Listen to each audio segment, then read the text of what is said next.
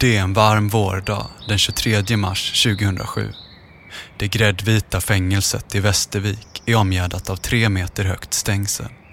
Kameror och rökning förbjudet-skyltar är uppsatta lite här och var.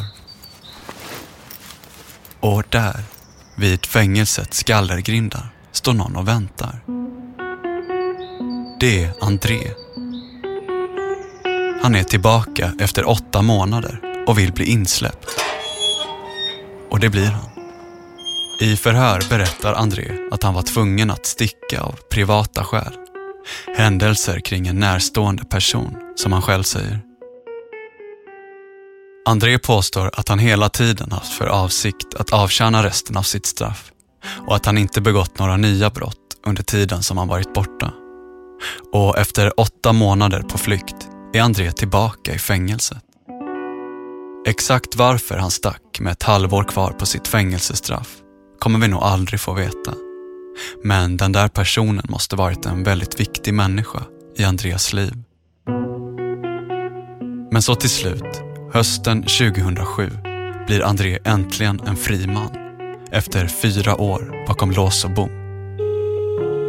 Han är 32 år gammal och har hela livet framför sig. Men särskilt fri är André inte egentligen. Välkommen till Kronofogden Maria. Ja, hej. Mårten heter jag. Ja, hej. Hej. Jag skulle vilja ha en skuldupplysning på en person som inte är jag själv. Ja, då tar jag personnummer. Då är personnumret 70... Då har vi skuldsaldo där 22 miljoner 48 000 184. 22 miljoner. Mm, ja, just det. Vem är han skyldig de här pengarna? Eh, Perstorps kommun. André är skyldig att betala tillbaka pengarna han stal från kommunen. Han är skuldsatt för resten av livet. Och därför är det kanske inte så konstigt att spåren efter honom slutar med hans frigivning. När André kliver ut genom fängelsets gallergrindar hösten 2007 är det som att han går upp i rök. Ja, jag undrar det. Var han kan finnas. Vad händer med en sån man sen? Han var ju ung. Han måste ju ha försörja sig sen också. Hur gör han det? Vem vet?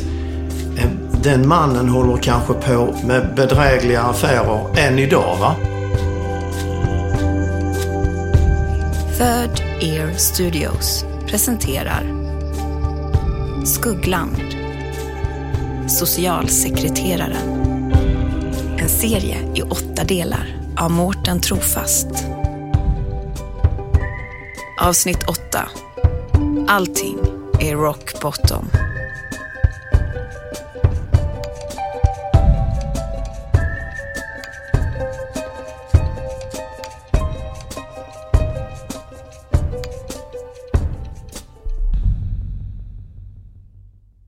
När André döms för bedrägeriet mot Perstorps kommun 2003 döms han att betala tillbaka 8,5 miljon kronor till kommunen.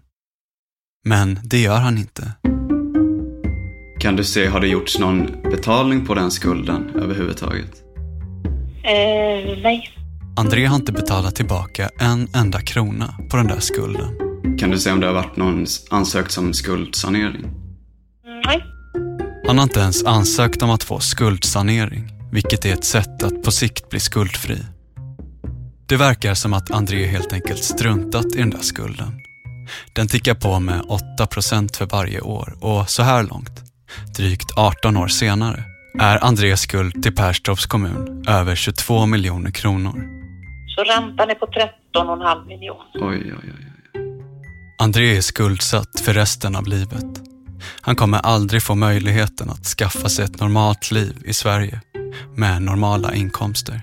För så fort André tjänar pengar i Sverige, och då pratar vi vita inkomster, så kommer Kronofogden att ta de pengarna. André kommer aldrig kunna äga en bil, ett hus eller ens en TV utan att Kronofogden kommer göra utmätning. Och i en Aftonbladet-intervju från 2006 säger André att han tänker sticka utomlands efter fängelsetiden. Någonstans där Kronofogden inte gör några utmätningar. André säger att han funderar på att öppna en bar eller en nattklubb vid Medelhavet. Och när André blir frisläppt 2007 verkar det som att han omedelbart lämnar landet.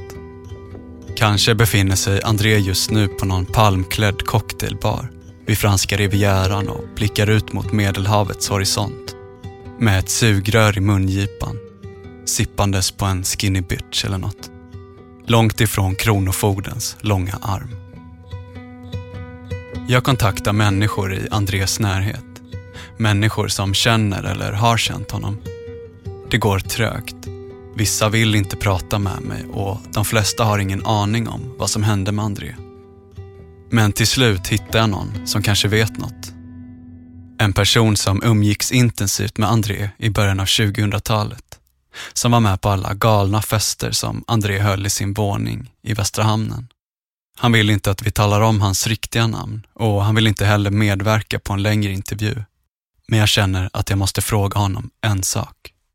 Jag tänkte bara kolla med dig. Om jag skulle försöka leta efter honom någonstans, var, var någonstans borde jag leta? Eh, jag skulle ju gissa att Brighton. Brighton i England? Ja. Ja, det är det enda jag kan tänka mig, eller enda jag kan komma ihåg att han har snackat om att de gillar att vara. Vet du någonting om han hade dubbla medborgarskap? Eh, Alltså han hade ju två olika identiteter. Han hade ju en eh, svensk och en brittisk med.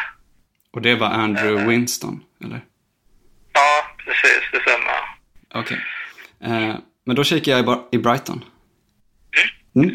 Okej, ha det gott. Det bra. Lycka till. Tack, Hej. hej. Andreas gamla polare säger Brighton. Också Andreas syster Lena säger att hon hört att André tagit sig till England. Jag följer upp spåret och det verkar som att André har bott i England. Men inte i Brighton, långt därifrån. André har varit skriven på en adress, fem timmar med bil norr om Brighton.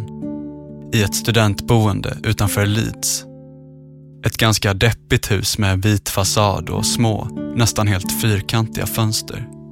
Det ser ut som ett fängelse med små rum och gemensamt kök. Det är långt ifrån våningen i Västra hamnen, ritat av stjärnarkitekten Gert Wingård.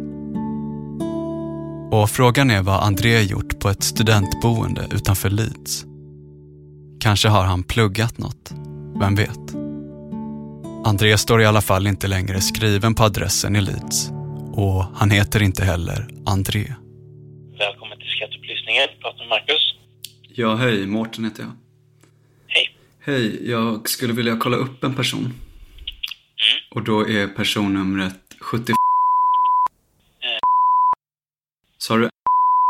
Jajamän. Okej. Shit. Eh, då måste han ha, ha bytt namn tror jag. Kan du kolla om han haft några andra namn tidigare? Vi ska kika. Ja, de har ändrat ett par gånger. Vi ska se. Från... Redan 2004 gör André sitt första namnbyte. Samtidigt som han sitter i fängelse. Därefter har han bytt namn flera gånger. Sen 2021, 0622, så ändrade han till Sir. Alltså i juni i år alltså? Ja, precis. Okej, till Sir... Eh, Sir. Okej. Det sista spåret jag har efter André är namnbytet som är gjort sommaren 2021. Alltså nyligen. André har bytt både för och efternamn till brittiska namn. Men också lagt sig till med en adelstitel. Sir. André verkar ha en stor läggning för England. Under tiden som socialsekreterare körde han runt i brittiska bilar av märkena MG och Jaguar. Och inte nog med det. Han hade också falska brittiska nummerplåtar på sina bilar. De svenska låg i bakluckan. Och så Andrew Winston. Hans alter ego eller vad man nu ska kalla det. Den framgångsrika juristen med firma i Sverige och England. Men trots sitt vurmande för de brittiska öarna har André inte blivit adlad. Han är ingen sir åtminstone inte mer än till namnet. Och jag undrar vad syftet med just Sir är. Varför har André lagt till det i sitt namn nu? Så här i 45-årsåldern. Vad ska han med det till? André har som sagt haft flera olika namn sedan tiden i Perstorp. Jag gör en slagning i fordonsregistret på alla de namn som André gått under och hittar något intressant.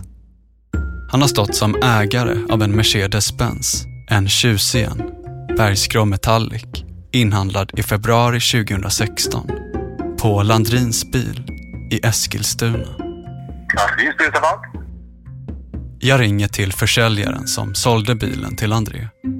Han har ingen aning om varför jag ringer, så jag känner att jag måste dra ärendet för honom. Har du tid några minuter? Absolut. Okej, så året är 2000 och i Skånes minsta kommun Perstorp börjar en ny socialsekreterare som heter André. Eh, Och ganska snart efter att han börjat jobba där så började det försvinna pengar i kommunens kassa. Det är så att André arbetar med att betala ut bidrag till kommunens invånare. Han stoppar pengarna i egen ficka. Och när socialchefen upptäcker att André kunde och André är försvunnen. Ja, och 2016 så har jag hittat att han köpte en bil hos Landrins bil. Ja. Och jag tänkte bara kolla om du minns, jag antar att du säljer en massa bilar. Ja. Ja. Och, och köpte han bilen här i Eskilstuna? Ja, precis. Det ska då ha varit i februari 2016. Och det ska ha varit en Mercedes-Benz CLA 220D Coupé. Och han ska då ha hetat Köpte han den privat eller på något företag? Privat. Vänta, jag ska se. Jag känner igen namnet. Stämmer. Köpte bilen utav mig, som du säger. Jag tänkte bara kolla, liksom, minns du om det var något särskilt med den här försäljningen? Nej, ingenting. Det var, vad jag kan säga så var det kontantaffär. Just det. Ingen finansiering. Jag har ett köpavtal här Ja. på 391 700. Är det ovanligt att man betalar så mycket pengar i kontanter? En del betalar kontant. Alltså inte kontant utan betalar med kort eller för på vårt konto. Nej, så det var ett kortköp kontant. Så att, Ja, kortköp eller eh, så för han pengarna innan vårt konto. Men du har liksom inget minne av att det skulle vara en snabb affär eller att allting liksom, inget sånt? Ingenting sånt. Minns du hur han såg ut? Nej, jag, jag kommer bara ihåg namnet alltså. Jag kommer bara ihåg. Och han var lite knubbig har jag för mig. Ja, För Stefan på Landrins bil i Eskilstuna är Andreas köp ingen stor grej. Det är inte ovanligt att kunder köper bilar utan avbetalning som kan hosta upp pengarna kontant. Men för oss som vet att André har en skuld till Perstorps kommun på 22 miljoner kronor blir det svårt att förstå hur han kan göra ett kontantköp på nästan 400 000 kronor. Pengarna kan omöjligen vara intjänade i Sverige eftersom då skulle Kronofogden tagit dem. Pengarna måste komma från annat håll. Och jag har lyckats komma över en översikt över Andrés konto i Swedbank. Och mycket riktigt, den 9 februari 2016 görs ett uttag på Landrins bil i Eskilstuna på 391 700 kronor. Samma kväll kan jag se att André checkar in på Radisson Blue, Royal Viking Hotel på Vasagatan i centrala Stockholm. Notan är på 6 348 kronor. Det verkar som att André valt sviten. Det framgår tydligt att André fortfarande har smak för fina bilar, lyxhotell och dyra vanor. Och det finns fler intressanta detaljer på Andrés kontoutdrag. Det är många kontantkortspåfyllningar, taxiresor och hotellnätter. André verkar resa mycket. Han är i Amsterdam ena dagen för att nästa dag vara i Köpenhamn. Sen Stockholm, Marbella, Berlin, Malaga. Han rör sig med mycket pengar. Det verkar gå bra för André. Otroligt bra. Jag reagerar på de summor som kommer in på hans konto. De är häpnadsväckande. Strax innan bilköpet får André in över 400 000 kronor på sitt konto. Tre dagar senare ytterligare 80 000. En vecka senare nästan 300 000. På en månad har André fått in insättningar på nästan 800 000 kronor. Och det är bara på hans Swedbank-konto. Jag har också lyckats komma över ett konto André har i en annan bank. Och under samma tidsperiod, alltså mellan februari och mars 2016, får han in nästan 600 000 kronor. André har på en månad fått in 1,4 miljoner kronor på sina svenska bankkonton. Det går bra nu.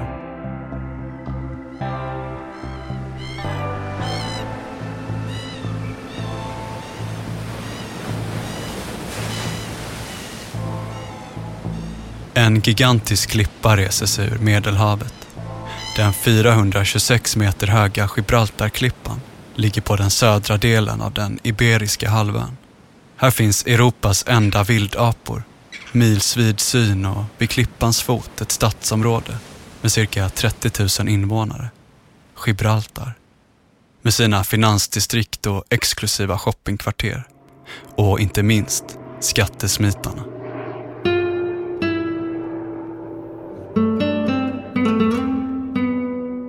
Det är hit som André verkar komma efter det att han utvandrade till England. Eller typ. Han bor på La Linea de la Concepción. En stad som gränsar till Gibraltar. André står skriven på en liten lägenhet som ligger på en sån där klassisk trång sydeuropeisk bakgata. Det är visserligen långt ifrån England geografiskt, men inte kulturellt. Gibraltar är brittiskt territorium. Och här följer allting den engelska seden. Bussar, poliser, valutan och språket. Hela gågatan Main Street är kantad av brittiska butiker, banker och pubbar. Det är ett England i miniatyr. Och runt 2012, fem år efter att André släpps från anstalten i Västervik, verkar det som att han börjar arbeta på ett företag i Gibraltar som sysslar med någon form av ekonomisk förvaltning. Företaget ligger helt otroligt vackert vid Ocean Village. Det finaste området i hela Gibraltar, vid Gibraltarklippans fot. Ett område med lyxiga hotell och kontorskomplex i glas. Med Atlantens horisont som kuliss åt ena hållet och Medelhavets himlarand åt det andra. Här, nere i hamnen, ligger lyxjotter för tiotals miljoner och guppar i det turkosa vattnet. André verkar ha bytt upp sig rejält sedan tiden på studentboendet i England. Han kör dyr Mercedes och jobbar bland höjdarna i Gibraltars näringsliv. Han verkar äntligen ha fått det där livet som framgångsrik affärsman, så som han alltid drömt om att få leva, om vi ska tro hans dagbok. Men så händer plötsligt något som ska avslöja en helt annan sida av Andres liv.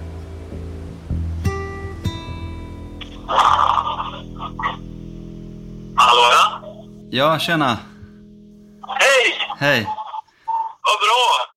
Minns ni Göran Lundin?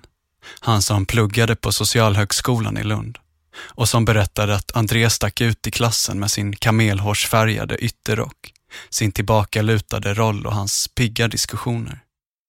Ja, det vart ju jättemycket diskussioner om hans lämplighet. Det var ju många som var otroligt eh, liksom, irriterade och ifrågasatte hans lämplighet som socionom. Efter studierna skiljs Göran och Andreas vägar åt. Men en sen kväll, några år senare, är Göran ute och promenerar längs Sundspromenaden i Malmö. Det är den där kvällen när han går förbi en av de mer exklusiva lägenheterna och ser André genom fönstret med bara en handduk runt midjan. Han ser rik och välmående ut. Det verkar gått bra för André, tänker Göran. Ja, sen gick det ytterligare tid innan man stötte på honom igen så att säga. Göran är lite osäker på exakt årtal. Men för några år sedan jobbade han som socialsekreterare på aktivitetshuset i Malmö. Min arbetsplats låg ju då på en kommunal träffpunkt i Malmö. Aktivitetshuset i Malmö är framförallt till för de som är hemlösa. Här kan de få tillgång till dusch, mat, stöd och boende. Då var det en av besökarna där som uh, haffade mig så att säga och bara du måste träffa en kille, du måste hjälpa honom. Och, ja, var är han då? Ja, han sitter här nere. Han heter Okej, okay. Så gick jag ner och så har vi en massagestol där i lokalen och den är bakom ett draperi. Och vi går fram till draperiet och den här personen då drar undan det här draperiet och där sitter André i massagestolen. Jag känner igen honom direkt. Ja men hej, är det du? sa jag till honom. Då ser jag på hans blick liksom att han vill inte kännas vid mig. Och då tänker jag att det kanske har någonting att göra med de andra som finns runt omkring. Så jag, jag tar in honom i ett angränsande förrådsutrymme som ligger precis bredvid. Och liksom, men, men hur är det liksom? Vad händer? Ja, han låtsas inte om alls som att han känner igen mig överhuvudtaget. Hur såg han ut liksom? Han var sig ganska lik faktiskt. Han hade samma, samma frånvaro av frisyr så att säga. Han hade alltid den här skallade, renrakade, solbränd. Eh, fysiskt bra skick, men jag tyckte han verkade... Alltså, jag fick ju en känsla av att han var jävligt pressad. Och, och berättade då att han har kommit från Spanien och att han inte har någonstans att bo och han har inga pengar och liksom allting är rock bottom då. André säger att han behöver ekonomisk hjälp och någonstans att bo. Och han behövde hjälp av ja, ekonomisk hjälp och bo, hjälp med bostad och sånt av socialtjänsten. Så jag länkar honom vidare till socialtjänsten. Han har, han har överraskat mig två gånger.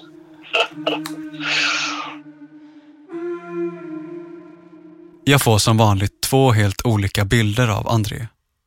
2012 jobbar han med ekonomisk förvaltning i Gibraltar och 2016 verkar han vara en lyxlirare som köper dyra bilar och bor på lyxhotell. För att sen, bara ett par år senare, inte ha någonstans att bo.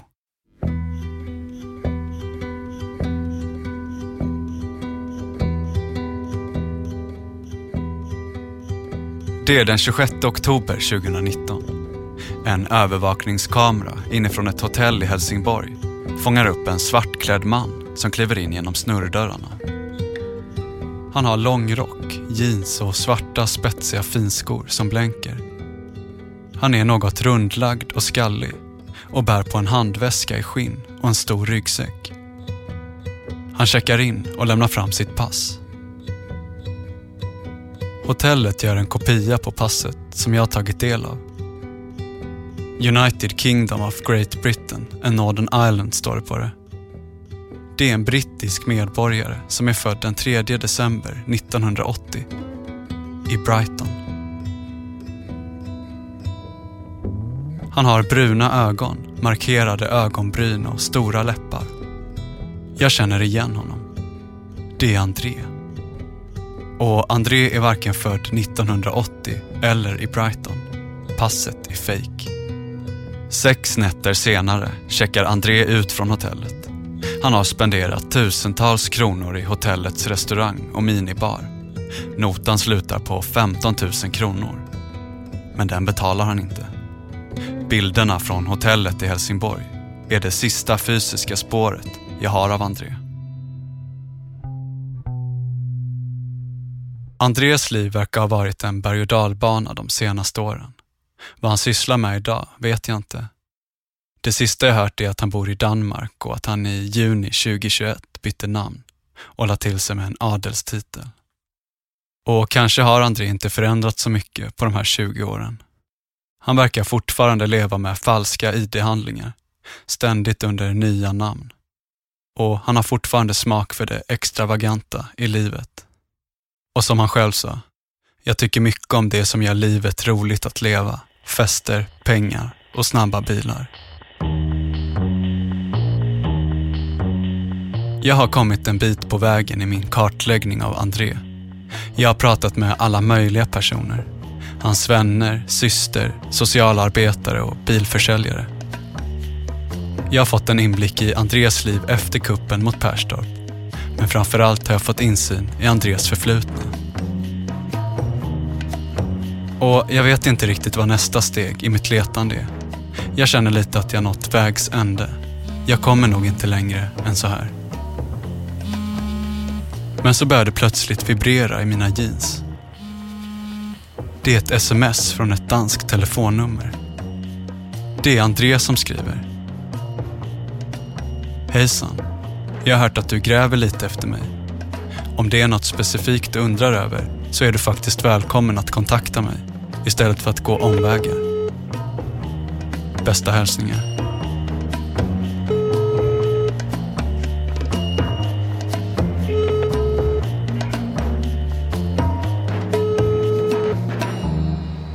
Hallå? Ja, hallå? Mårten Trofast heter jag. Ja men hejsan hejsan. Hejsan. Eh, hur står det till? Jo då, det, det funkar. Hur är det själv? Jo men det är bra med mig, det är bra med mig.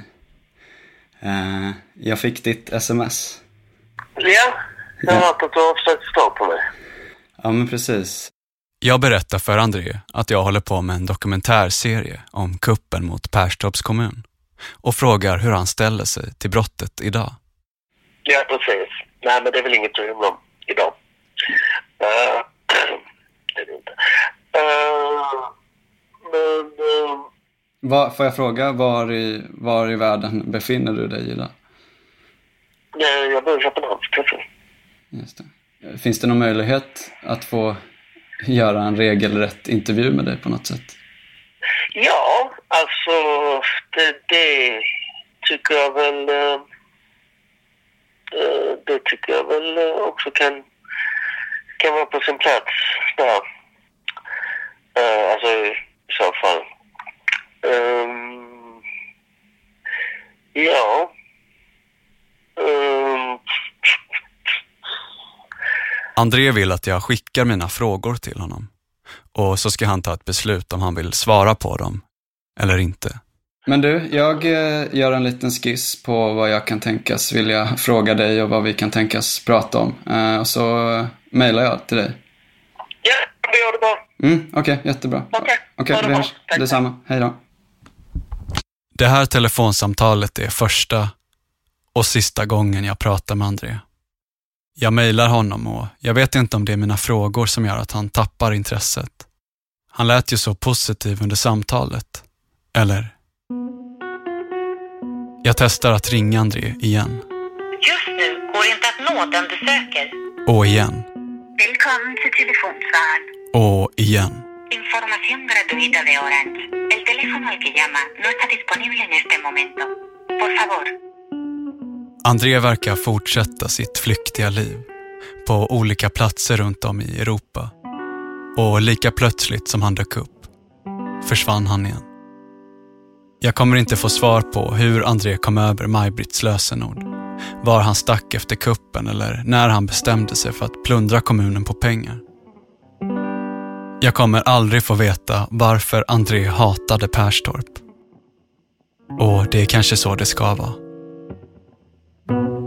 Alltså det är ju en ganska så far out grej att ha varit med om. Socialsekreterare Karin Cohen. Egentligen så är det ju en sån helt otrolig historia. Alltså det är ju knappt så folk tror på en när man berättar det. Och att det har hänt i liksom en liten skånsk kommun. så jag, jag, jag är bara fascinerad över att det har hänt och att jag har varit med om det. Det är ju sånt här man ser på film. Det händer ju inte på riktigt, men det gjorde ju det, uppenbarligen.